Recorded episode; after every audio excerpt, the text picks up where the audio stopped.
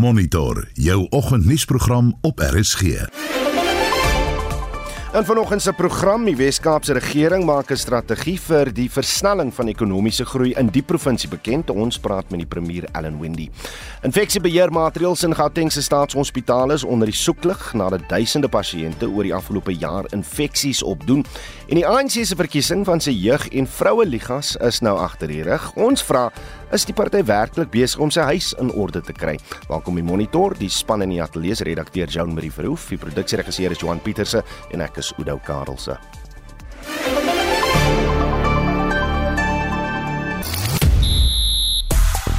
Daar is 9 veranderinge aan die Bokke se beginspan vir Saterdag se rugby kampioenskap toets teen Argentinië. Tatiana Skoenmaker wen silwer by die wêreld swemkampioenskap in Japan en nog 'n goeie uitslag vir Mamelodi Sundowns op hul Europese toer. Ek is Shaun Schuster vir RSG Sport. Messi is een van vanoggend se gewildste hitsmerke wêreldwyd omdat die sokkespeler Lionel Messi gisteraand 'n nuwe rekord geskep het. Toe hy sy tweede doel aanteken vir Inter Miami teen Atlanta United, het dit 'n nuwe rekord geskep vir televisiekykers in Amerika. Want daar word geskat dat 3,4 miljard mense die oomblik op televisie gewaar het wat dit die uh, meeste ooit maak vir enige Amerikaanse televisieprogram.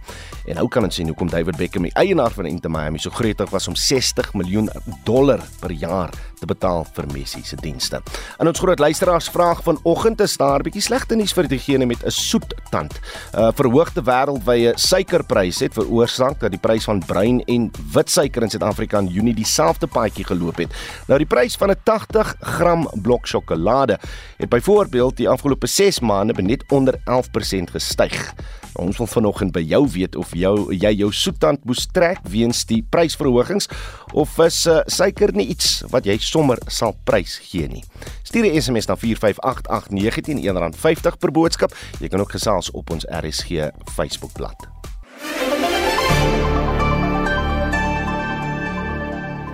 Dis 10 minute oor 6.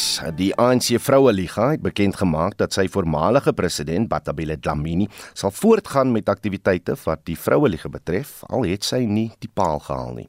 Die liga het gister sy nasionale uitvoerende komitee verkies nadat Sisisi Tolashe vroeër as die nuwe president van die ANC Vroue Liga aangewys is. Vincent Mofokeng doen verslag.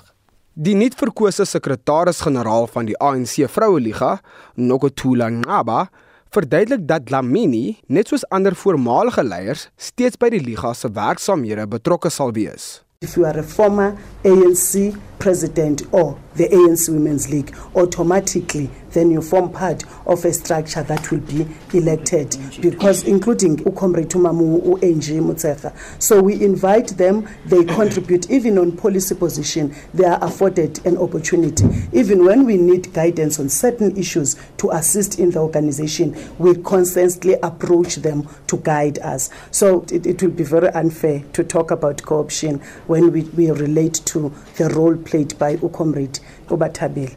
Tembeka Mchunu is as die 40ste lid van die NEK verkies. Die verkose top 5 is volgens Kusela Diku verteenwoordigend van die vroue liga se diversiteit. We do believe, I think, on your behalf, leadership, that this executive is composed of young people.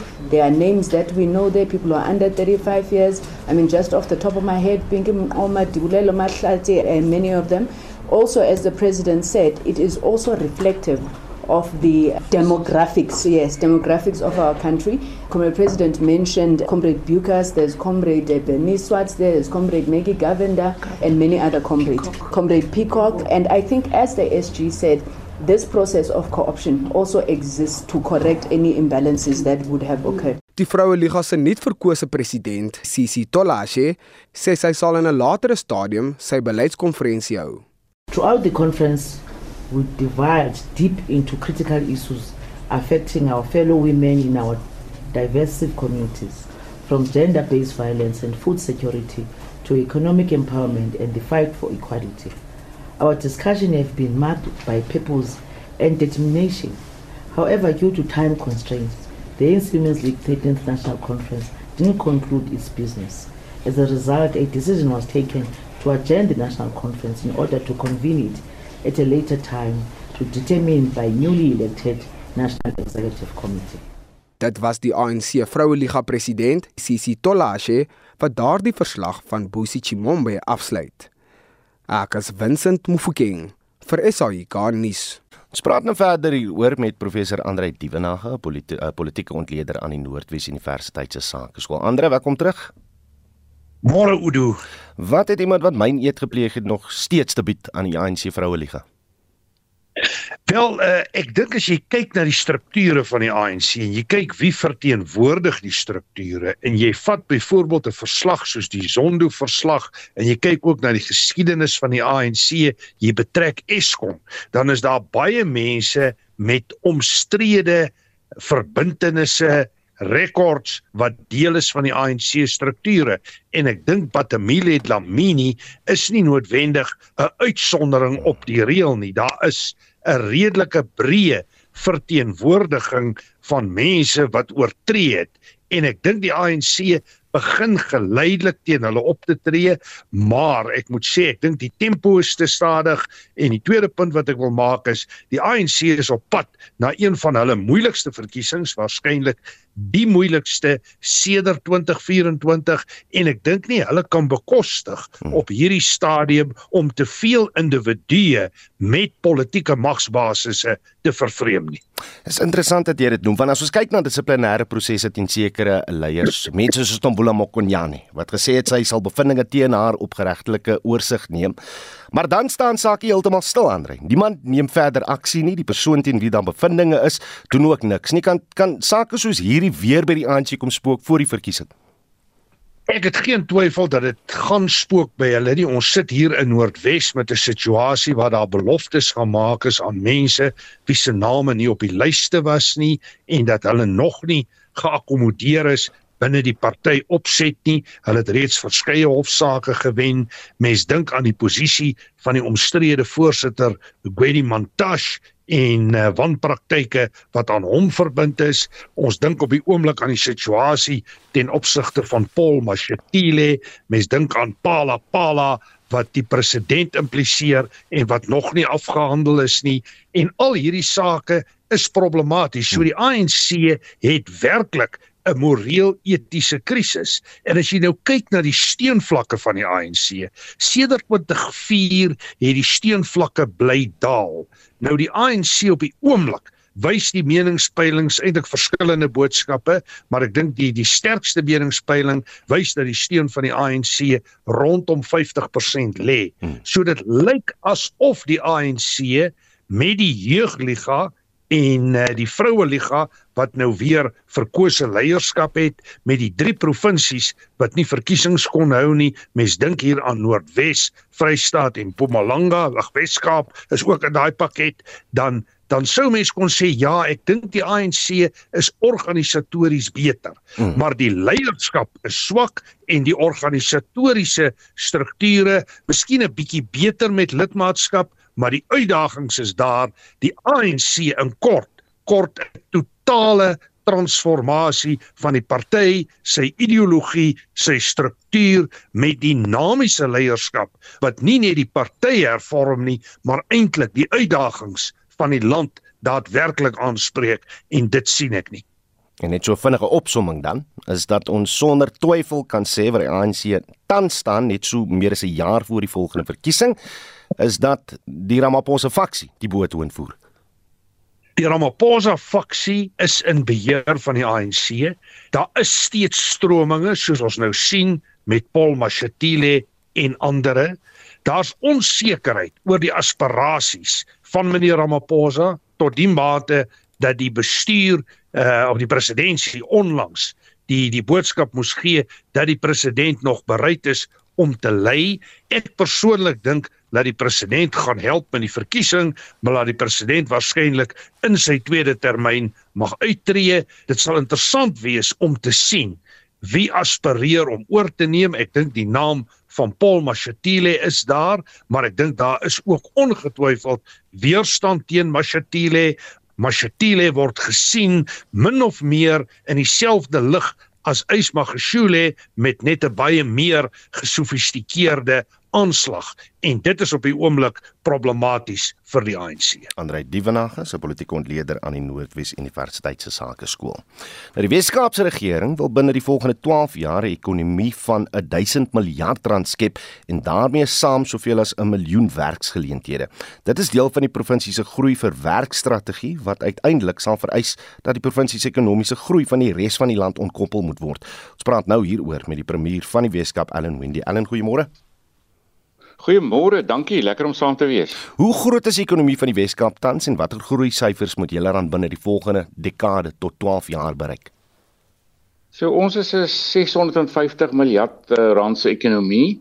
Uh en on, ons moet 'n uh, groeikoers nou bereik tussen 4% en 6% om daai triljoen ek weet nie is dit 'n Afrikaanse woord 1000 miljard. ons sê maar 1000 miljard 1000 miljard uh, uh, rand ekonomie te bereik. En uh, ons ons op die huidige oomblik het ons 2.7 miljoen mense wat in werk sit uh, maar 700 000 mense wat uh, wat nie werk het nie. Ehm um, so ons ons moet uh probeer om iets anders te doen en uh ek uh, ek wil hê dat dit moet uh jy weet dit dit moet dit dit moenie net maklik wees nie. Ons moet uh, ons moet goeie teikens hê wat uh, wat moeilik gaan wees om te kry, maar ons moet begin uh, regtig uh, anders optree en uh, soos jy gesê het, dit dit moet uh, uitbreek of wegbreek uh, van die huidige groeikoers uh, en die huidige Suid-Afrikaanse uh, ekonomie.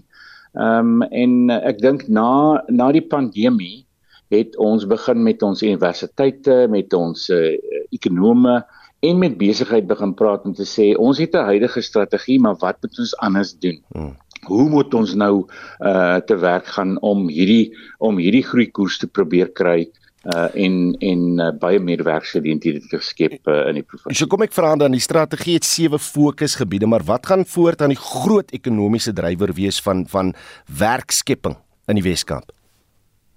Wel ek dink uh, wat ons al klaar het, het uh, is uh, is uh, good governance. Ehm um, so ons het al klaar uh baie jare gewerk uh, aan ons auditverslae kry uh outomaties dat uh, dat goeie regering is net uh, iets wat jy doen. Ehm um, en ek dink uh, as jy dit kan regkry, nou kan jy begin daarop bou en daar het ons ons het uh, hierdeur uh, dis 'n dis amper 'n 200 bladsy dokument wat uh, kan afgelaai word. Ehm um, maar uh jy dan het gesê okay nou begin moet ons begin fokus. Waar is hierdie uh sewe uh, areas waarop ons moet fokus? En uh ek dink nommer 1 as ons uh, ons energie uh probleme kan uitsort sal dit uh, al klaar begin 'n groot uh, om 'n groot uh, probleem op te los in ons land. Uh wanneer ons uh, so gereeld sonnekrag sit kan ons besighede niks doen nie. Ons, en uh ja. ons Ja, ja maar ek, ek ek wil nou net gevra het ons sien deurgaan so van die rykstes van Suid-Afrika nou trek Kaapstad toe na die Wes-Kaap toe. Uh, talle sake ondernemings begin nou ook vra, moet ons nou net die skuif maak. Is dit julle plan? Is dit moontlik dat dat die Wes-Kaap Gauteng kan verbysteek as die as die land se grootste ekonomie? Dis die plan. Maar maar miskien moet ek sê ek het nou gepraat van energie, hm. water. Hmm Uh maar as jy by nommer 1 uitkom van die 7 is dit investering. En uh jy kan niks groei sonder investering. En ons wil binnelandse investering kry en ons wil buitelandse investering kry. Ehm um, so hoe kry jy dit reg? Ehm um, en soos ons nou gesê het, jy kry jou jou bestuurs sisteme reg. Uh jy wys dat jy kan dienslewering gee. Ehm um, en dan sal jy begin investering kry. So uh, ons sien dit al klaar. Uh, Almal praat daaroor uh mense met geld skuif nou suid. Ehm um, uh internasionale geld kom in. Daai is die begin van 'n uh, uh, groei uh vir werkskeping. Die DA het het, het 'n wetsontwerp ontwikkel wat probeer mag gee aan die premier, dis nou jy om 'n provinsiale referendum te kan roep. Alhoewel nou lyk dit my die Weskaap wil glad nie meer deel wees van die res van die land nie. Nee, dis dit is glad nie waar nie. Ehm um, ek is 'n Suid-Afrikaner. Uh, ek is 'n trots Suid-Afrikaner, maar ek moet alles doen in my vermoë om te sorg dat uh, ek jy weet ek het ek het uh, ek het nou gesweer op die op die grondwet om gesê ek sal ek sal uh, my job doen en ek gaan dit tot die beste van my vermoë doen.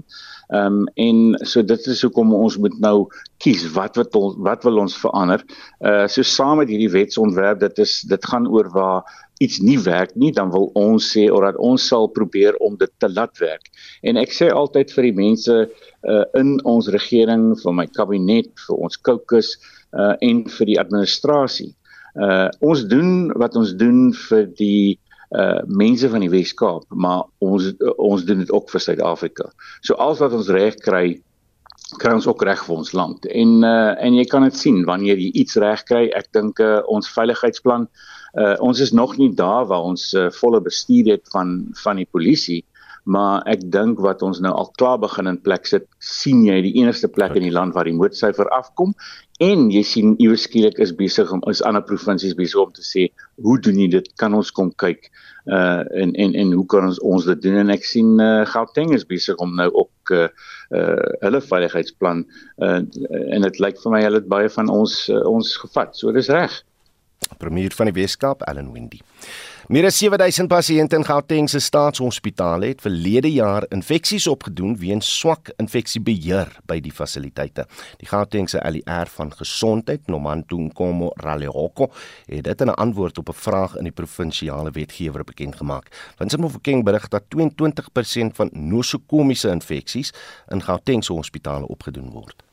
Die DA se skadu minister vir gesondheid in Gauteng, Jack Bloem, sê nosokomiese infeksies word dikwels veroorsaak deur antibiotika weerstandigheid en swak infeksiebeheermaatreëls. But last year there were nearly 7,500 cases of patients who acquired an infection in hospitals. Uh, the technical term for this is nosocomial. And the problem is that uh, many of these infections are antibiotic resistant, so it's very difficult to treat them. And uh, patients can lose their lives. And if not that, they, they have extended hospital stays, and it's very distressing. Uh, what the figures indicate is that more than 1 in 20 patients who go to a Gauteng public hospital are going to pick up uh, another infection there, which will require further treatment. And I, I think the, the major problem is poor infection control, poor hygiene. Volgens die departement moet daar weeklikse en maandelikse rekords oor hospitaalinfeksies gehou word.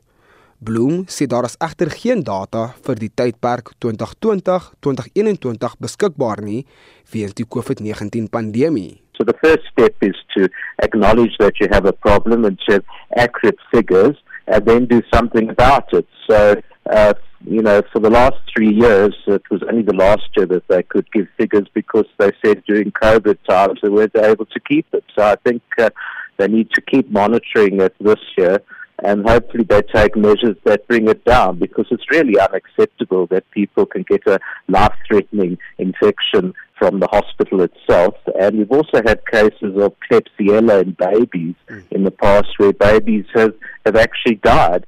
Van die infeksies het gelei tot sterftes. Volgens Bloem is daar geen verantwoording hiervoor gedoen nie.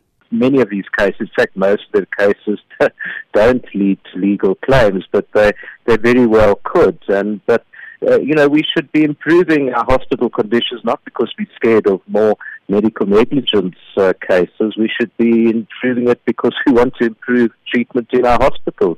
You know, even if people go to court and get a payout, that can't really compensate for the loss of a life or for, for suffering that was unnecessary. Bloem meen die stygings in hospitaalinfeksies moet strenger gemonitor word.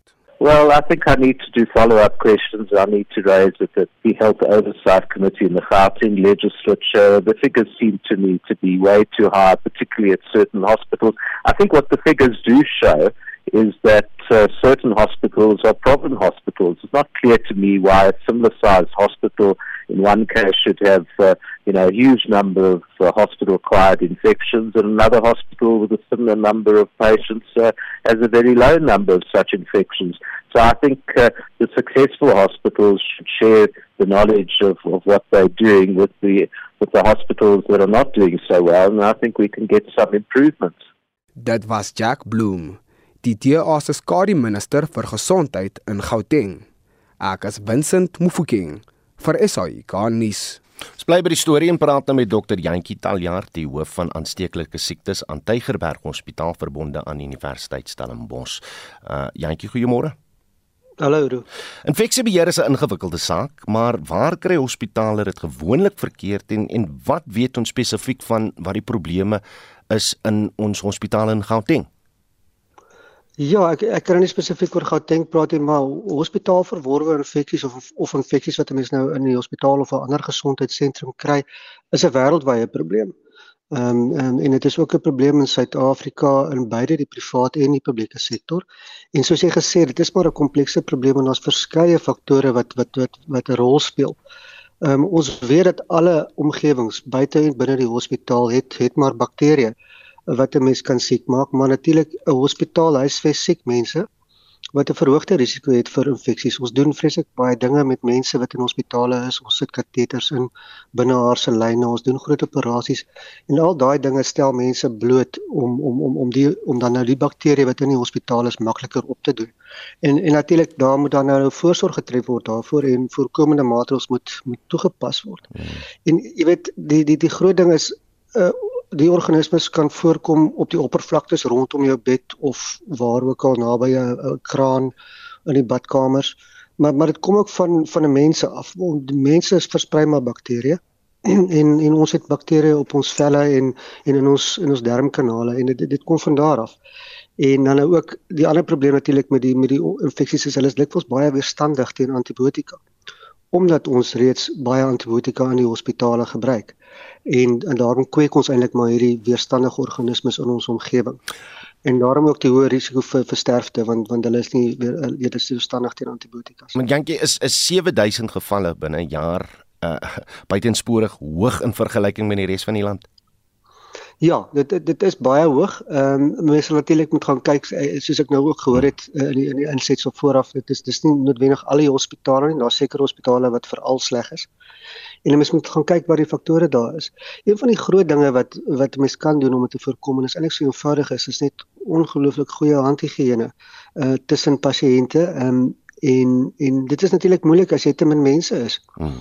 Uh, en en dit gaan altyd agterweë gelaat word en dit sien ons in, in selfs in lande soos Switserland en so aan as daar as daar skielik meer pasiënte is en minder minder personeel dan is daar hospitaalverworwe infeksies.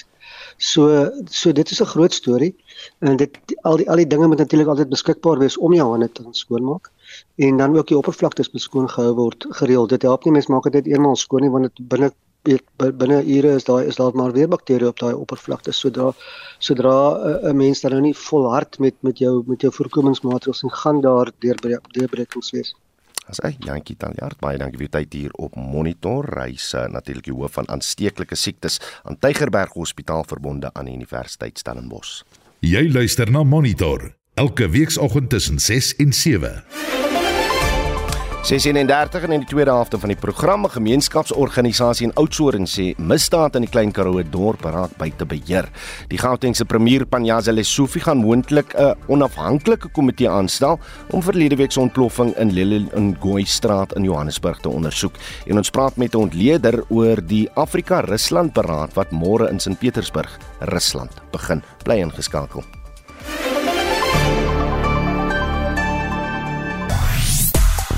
Reg slegte nuus vir diegene met 'n soettand. Verhoogde wêreldwye suikerpryse het veroorsaak dat die prys van bruin en wit suiker in Suid-Afrika in Junie dieselfde paadjie geloop het.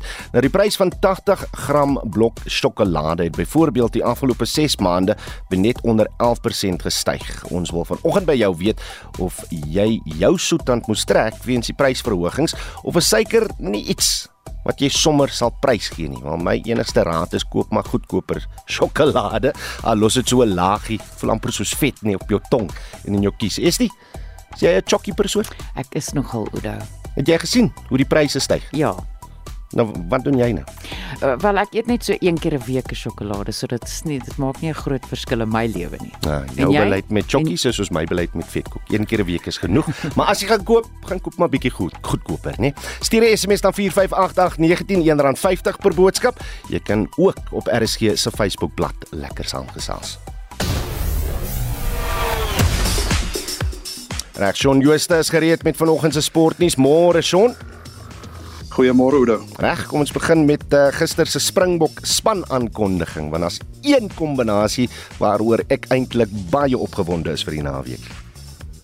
Ja, nege spelers wat in die eerste toets teen Australië op die veld uitgedraf het, is weer in die beginspan vir Saterdag se rugby kampioenskap toets in Johannesburg teen Argentinië ingesluit. Steven Kitshoff en Frans Malherbe begin in hulle derde wedstryd van die veldtog met die hakker Melke Marx wat ook 'n welverdiende kans kry. Eh, dit is nou in die begin 15-tal. Marvin Orius die nommer 5 slot, Marco van Staden Pieter Steftetoe en Dwayne Vermeulen is weer die laaste trio met uh, Vermeulen die kaptein. Jesse Kriel kry ook sy kans op buitesenter en soos verwag dra Kurtley Arends se die nommer 11 try en uh, die groot paat, praatpunt is natuurlik die skakelpaar Grant Williams en Mani Libok. Hulle is een van die mees aanvallende 9 en 10 wat ons in die in 'n lang tyd basies in die beginspan gesien het. Nou eh, die begin 15tal is beslis nog nie die een wat ons in die wêreldbeker hmm. uh, sal sien nie Oudo, maar daar is nog 3 opwarmingswedstryde wat voorlê om uh, die regte persone in die regte trye te kry en onthou die toets skop Saterdagmiddag kort na 5 op Emirates Airline Park in Johannesburg af. Ja, ek is nie onder die indruk dat dit die die kombinasie gaan wees vir die heel eerste wêreldbeker wedstryd nie, maar ek wil wel sien hoe Mani en uh, Grant saamspeel op daai kombinasie van 19. Nou Tatiana Skoenmaker het silwer vir Suid-Afrika by die wêreld swemkampioenskap in Japan ingepalm, né? Ja, die 26-jarige skoenmaker het silwer in die 100 meter borsslag in 'n minuut 5.48 sekondes gewen nadat sy 4de na die eerste 50 meter was. Maar gunsteling, die 200 meter borsslag uh, begin môre met die uitdene wat dan sal plaasvind. Reg, wat lê vandag by die FIFA vroue sokker wêreldbeker voor? Vanoggend 7uur speel Japan teen Costa Rica, 0:30 is dit Spanje teen Zambië en dan vanmiddag 2uur Kanada teen Ierland En dan Banyana Banyana se volgende wedstryd is Vrydagoggend 2 uur Suid-Afrikaanse tyd teen Argentinië.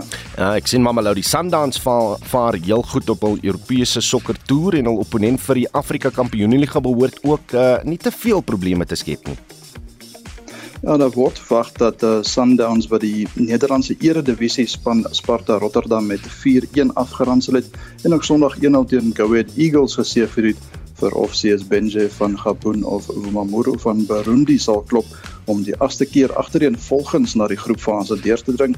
Nou Sundowns het ook Vrydag 2 elk gelyk op gespeel teen Gent van België. En uh, Ashley Moelman Passie, hoe vaar sy by die vroue Tour de France? Sy is algeheel derde, minuut 5 sekondes agter die voorloper Lotte Kopecky van België. Nou net die beste derde skof gehad, sy het 19de geëindig, maar kom ons kyk hoe dit van vandag in die vierde skof oor 177 km gaan. Shaun Joostraar van RSG Sport.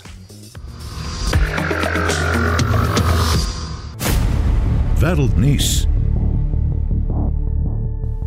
In Maart 2016 is 32 mense in België dood tydens 'n selfdoodbomaanval by 'n lughawe en treinstasie in Brussel. Nou is 6 mense skuldig bevind op aanklagte van terreur en moord. Marlene Forsie het meer besonderhede.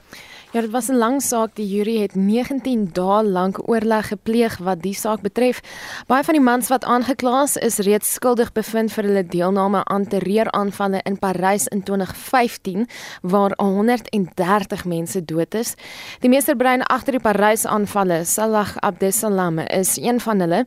Hy's 'n paar dae voor die ontploffings in België in hegtenis geneem en is reeds in Parys skuldig bevind aan sy rol in die aanvalle in Frankryk. Hy's ook skuldig bevind op aanklagte van moord en poging tot moord in Brussel.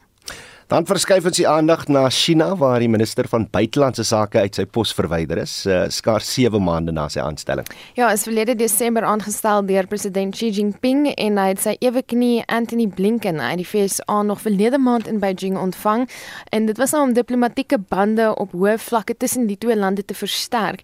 Nou, uh, sy laaste openbare verskyning, dit is nou King Gang, um, was 25 Junie en sy vervanging lok heelwat vrae uit. Nou het glo 'n goeie uh, verhouding gehad met die president, maar nou het 'n veteraan lid van die Kommuniste Party, Wang Yi, die leiersels oorgeneem.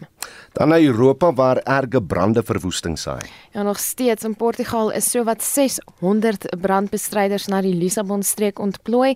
Dit is 'n brand um, oor 'n gebied van so 145 vierkante kilometer onder beheer te bring. Daar's 189 voertuie op die grond en vliegtuie word ook ingespan.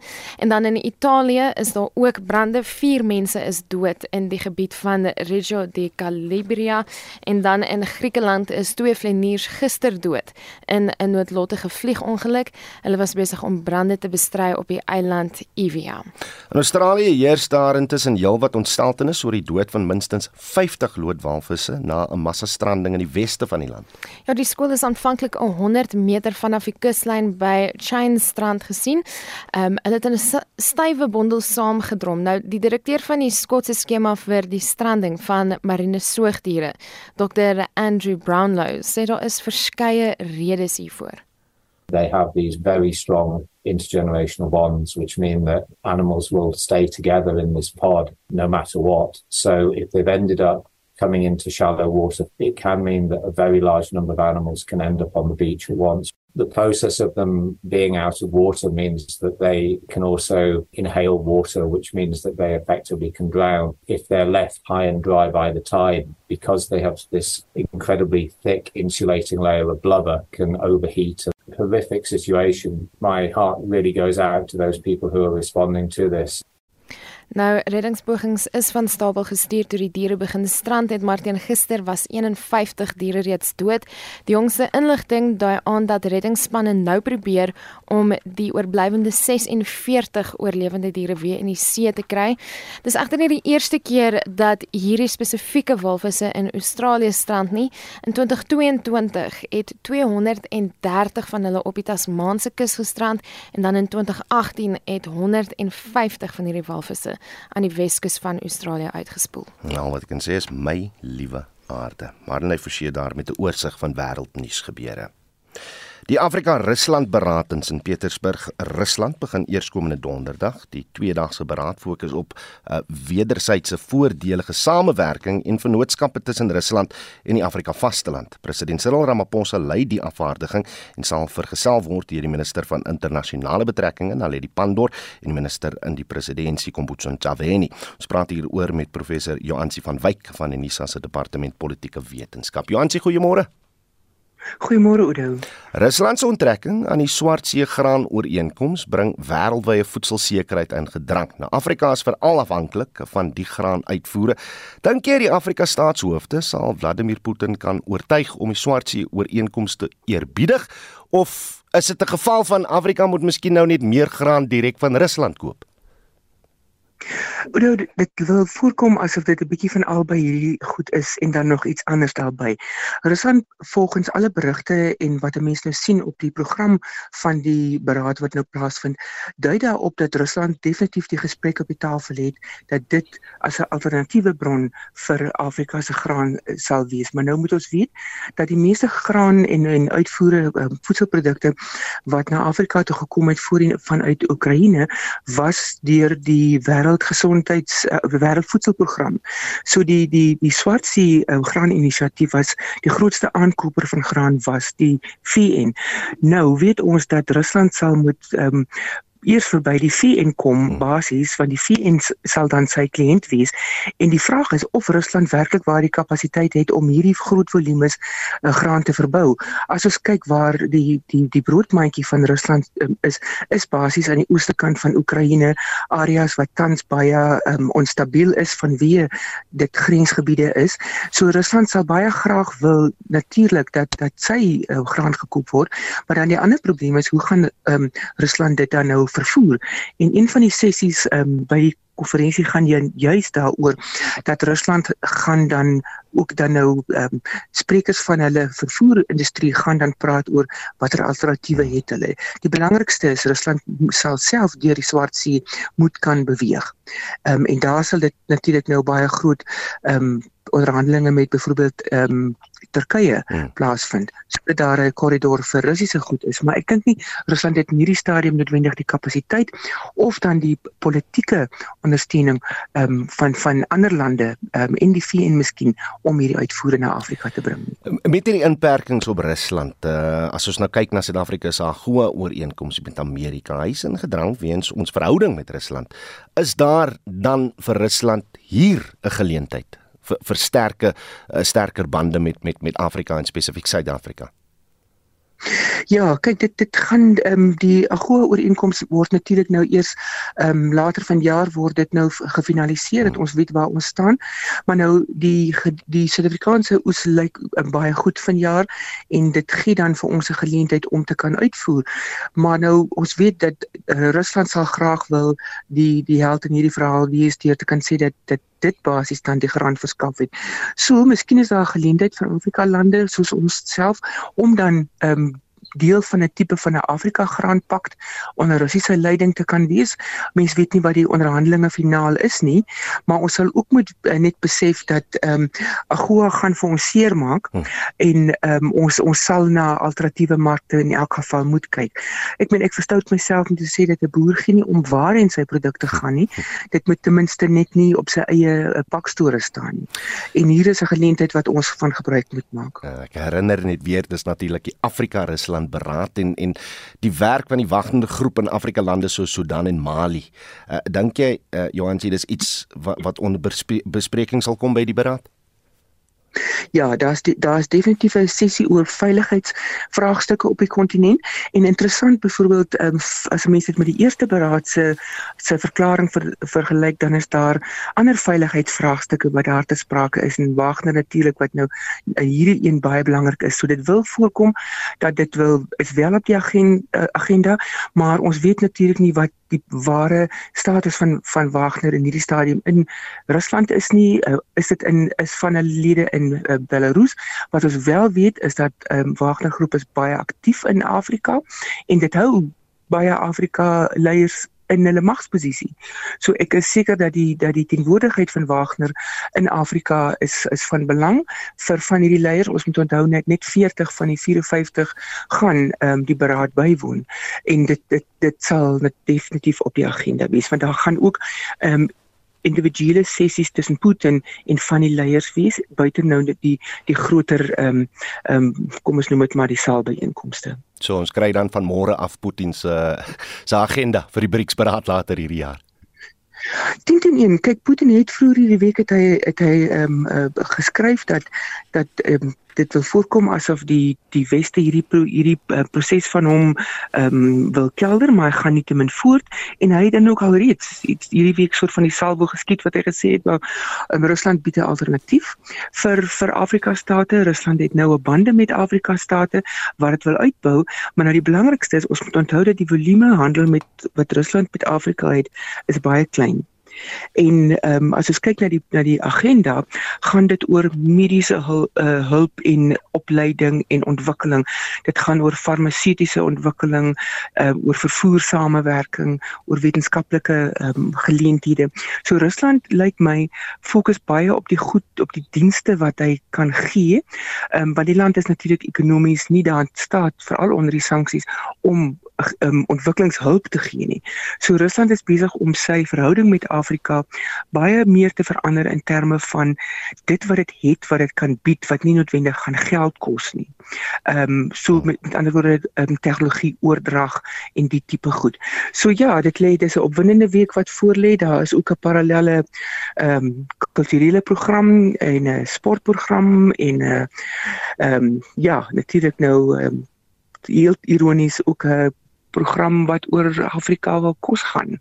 Ehm um, as as as 'n tipe van 'n gourmet produk wat wat hulle aanbied in dit in hierdie tyd van kosnood. Interessant professor professor Joansi van Wyk van Unisa se departement politieke wetenskap.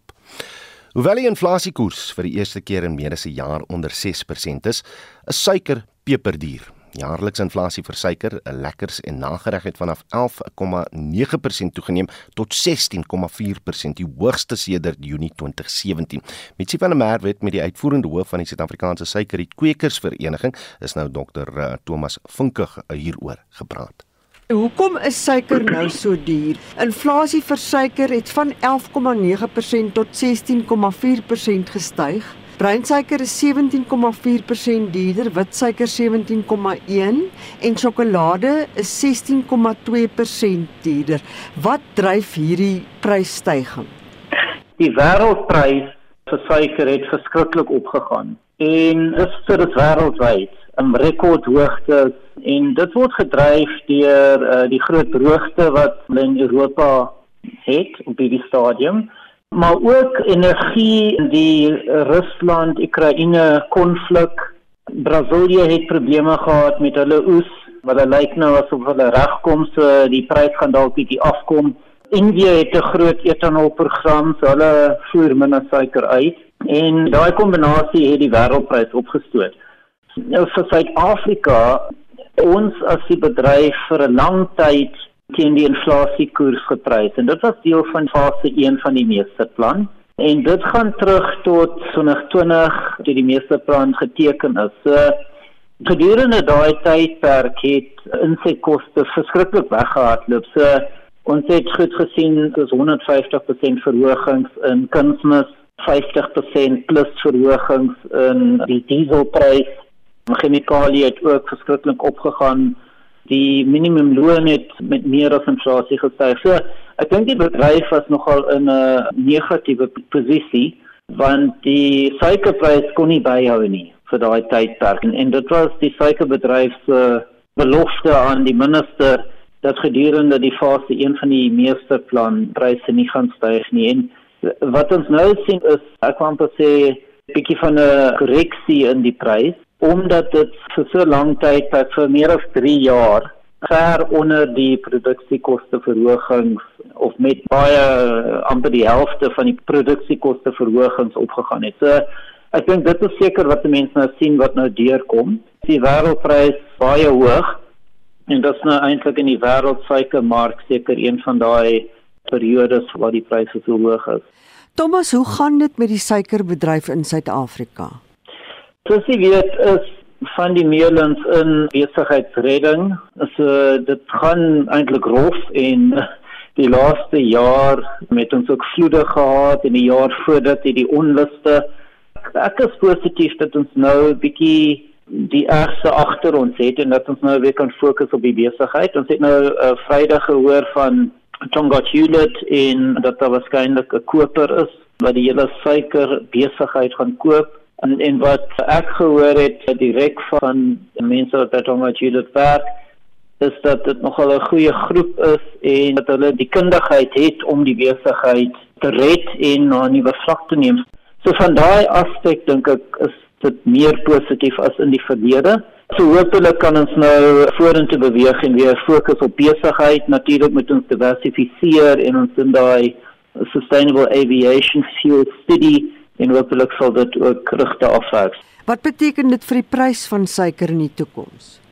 Ek dink die prys gaan stabiliseer, dis my gevoel. Ook die verhogings in die insetkoste het bietjie afgekom seker nou maar gestabiliseer. En die vraag gaan maar wees hoe vinnig kan die wêreldmark en die pryse op die wêreldmark vir insetkoste weer normaliseer en dit word natuurlik baie gedryf deur wat in Europa gebeur met die konflik tussen Rusland en Oekraïne. En Dr Thomas Vinke is die uitvoerende hoof van die Suid-Afrikaanse Suikerrietkweekers Vereniging wat daar met ons Mitsie van der Merwe gepraat het. Die Good Party, 'n party liewer, se sekretaris-generaal Brett Herren sê hy het beswaar aangeteken oor die uitslag van die onlangse tussenverkiesings in George in die Weskaap. Die DA het twee van die wyke gewen en hulle 'n uh, volstrekte meerderheid gegee om die munisipaliteit te regeer. Hendrik Matenburg Herren sê hulle het bewys dat 188 mense van Timbalethu by 'n enkele adres in Borchards, een van die wyke wat die DA gewen het, geregistreer was. DA werkers het glo die kiesers aanlyn geregistreer. We've now lodged the objection to the outcome of the by-elections with the IEC. We had 48 hours to do that. We have supplemented some of the evidence that we presented in the first round when we applied for the IEC to postpone the by elections. We only went to the electoral court after the IEC declined to do so based on inconvenience. And we argue that free and fair elections far outweighs any inconvenience to the IEC in the administration of any election. The evidence is more than just 188 people registered at one home address. It includes DA canvassers who gave us 300 Rand a day to register voters from Tembeletu, which is not where the by elections were taken, at their own home addresses in the wards where the by elections were being contested. Maar Herren sê daar is geen informele nedersettings in die omgewing nie. Now, if you visit the area, as some media houses have, have done, there's no informal settlement area anywhere near the street address. So our rights entitle us to go to the Constitutional Court if the Electoral Court refuses an application, but we're not there yet. We've lodged an application with the IEC. But I just also, also want to correct the DA has not refuted what we've said about canvassers registering voters at the wrong address. They say that their head office or their campaign managers were misled by these canvassers. So they acknowledge on their papers in the electoral court that they did in fact use the online voter registration system to re-register voters who didn't qualify to vote in this election. En dit was die Good Party se sekretaris-generaal, Brett Herron. Ek is Hendrik Martin vir SAK nuus. 'n Gemeenskapsorganisasie Outsourcing Community Against Crime sê misdaad in die Klein Karoo dorp raak buite beheer. Sedert Januarie is altesaam 16 moorde hier gepleeg, die meeste deur verdagtes wat aan die slagoffers bekend is. Osak het 'n veldtog begin om nie net die geaffekteerde gesinne te ondersteun nie, maar om ook hande te vat om misdaad te help bekamp. Tanya Krause doen verslag. Inwoners van Oudtshoorn het verenig in die naam van geregtigheid vir hulle geliefdes. Die stigter van die Oudtshoorn Community Against Crime organisasie, Leon Kamfer, sê hulle moedig plaaslike gemeenskappe aan om saam te staan teen misdaad. Ons gaan byvoorbeeld stig ons WhatsApp groeps in elke area binne Oudtshoorn waarna gekommunikeer word. So mense hoef nie te loop soos buurtwagte miskien in die jaar rondop jy sit in jou huis en jy sit net iets hoor wat vreemd is, kommunikeer en die polisie word gekontak. Die polisie kan in Oudtshoorn as meer as 100 000 inwoners ons het drie polisiestasies. Daar's 'n manier hoe die polisie al elke een gaan veilig hou nie. So dit is ons as gemeenskap se verantwoordelikheid om misdaad hok te slaan. Daarom het ons met die inisiatief begin. Osak het 'n vredesame betoging buite die plaaslike landdroshof gelei teen 'n onlangse vonnis. Die 18-jarige Marelies Norteer en 22-jarige Sydney Berry was in dieselfde voertuig in 'n ongeluk in 2019. Berry, die bestuurder, het die toneel verlaat sonder om iemand in te lig dat Norteer steeds in die voertuig was. Ure later is sy dood aangetref. In sy verhoor het Berry beweer hy het nie geweet dat sy in die voertuig was nie. Nortier se ouma, Christine Nortier, sê hulle wil 'n strenger vonnis as korrektiewe toesig hê. Ja, niemand sal besef waar ons gaan nie, want elke keer word die roof afgeruk as die saak voorkom en dit is 4 jaar wat ons nou al so suffer elke keer as hy voorkom. Ons wil net eintlik hê daar moet nou finaliteit kom en laat daar straf kom wat hom sou pas. Want ek meen ons mense kan nie huisarrest kry vir 'n lewe wat gevat is nie. En ek blameer niemand nie. Ek sê net die ondersoek is nie reg gedoen nie. Dis hoekom hulle op hierdie slotsom gekom het nie. Na die wrede moord van sy 21-jarige dogter vroeër vanjaar, het Hans Malgas ook by die veldtog aangesluit. Hy is vermoor deur 'n persoon wat bekend was aan die familie wat by die huis gekom het en ongelukkig sal hy nooit kan antwoord vir sy dade nie want hy het selfmoord gepleeg. Ek ondersteun vir Leon in die kampanje saam met ander slagoffers van geweld. Ons wil vir die vir die regstelsel sê dat hulle saam ons te beskerm, gee ons behoorlike fondse. Ons wil ook kampanje vir mense om te sê dat kom ons word bewus van misdaad dat jy is nie altyd die een wat dalk deur misdaad nou geraak word nie, maar misdaad is in jou omgewing so jy kan iets doen. Weens verskeie redes voel sommige inwoners nie gemaklik om inligting met die polisie te deel nie. Osak het WhatsApp groepe geskep waar verdagte of kriminele dade aangemeld kan word, vanwaar 'n verteenwoordiger die saak na die polisie neem. Ek is Tanya Krause op Oudtshoorn in die Klein Karoo. Reg ons wil vanoggend weet of jy jou soettand moes trek weens prysverhogings of is suiker nie iets wat jy sommer sal prys gee nie. Net byvoorbeeld 80 kg uh, is nou 'n 80 kg uh, kilogram blok sjokolade wat nou oor die afgelope 6 maande met onder 11% gestyg het op die SMS lyn. Sê uh, een van ons luisteraars suiker is in alle produkte, maar ek is mal oor goeie sjokolade al kos dit wat. Uh nog een uh, van Anet sê my sjokolade los Icona chocolate deur en deur. Wat sê jy? SMS se deur na 4588919 R1.50 per boodskap. Jy kan ook lekker saamgesels op RSG se Facebook bladsy. Ons groet dan namens ons uitvoerende regisseur Nicoline de Wee, die redakteur vanoggend was Joan Marie Verhoef en die produksieregisseur Johan Pieterse. Ek is Oudo Karelse. Op en wakker is volgende. Totsiens.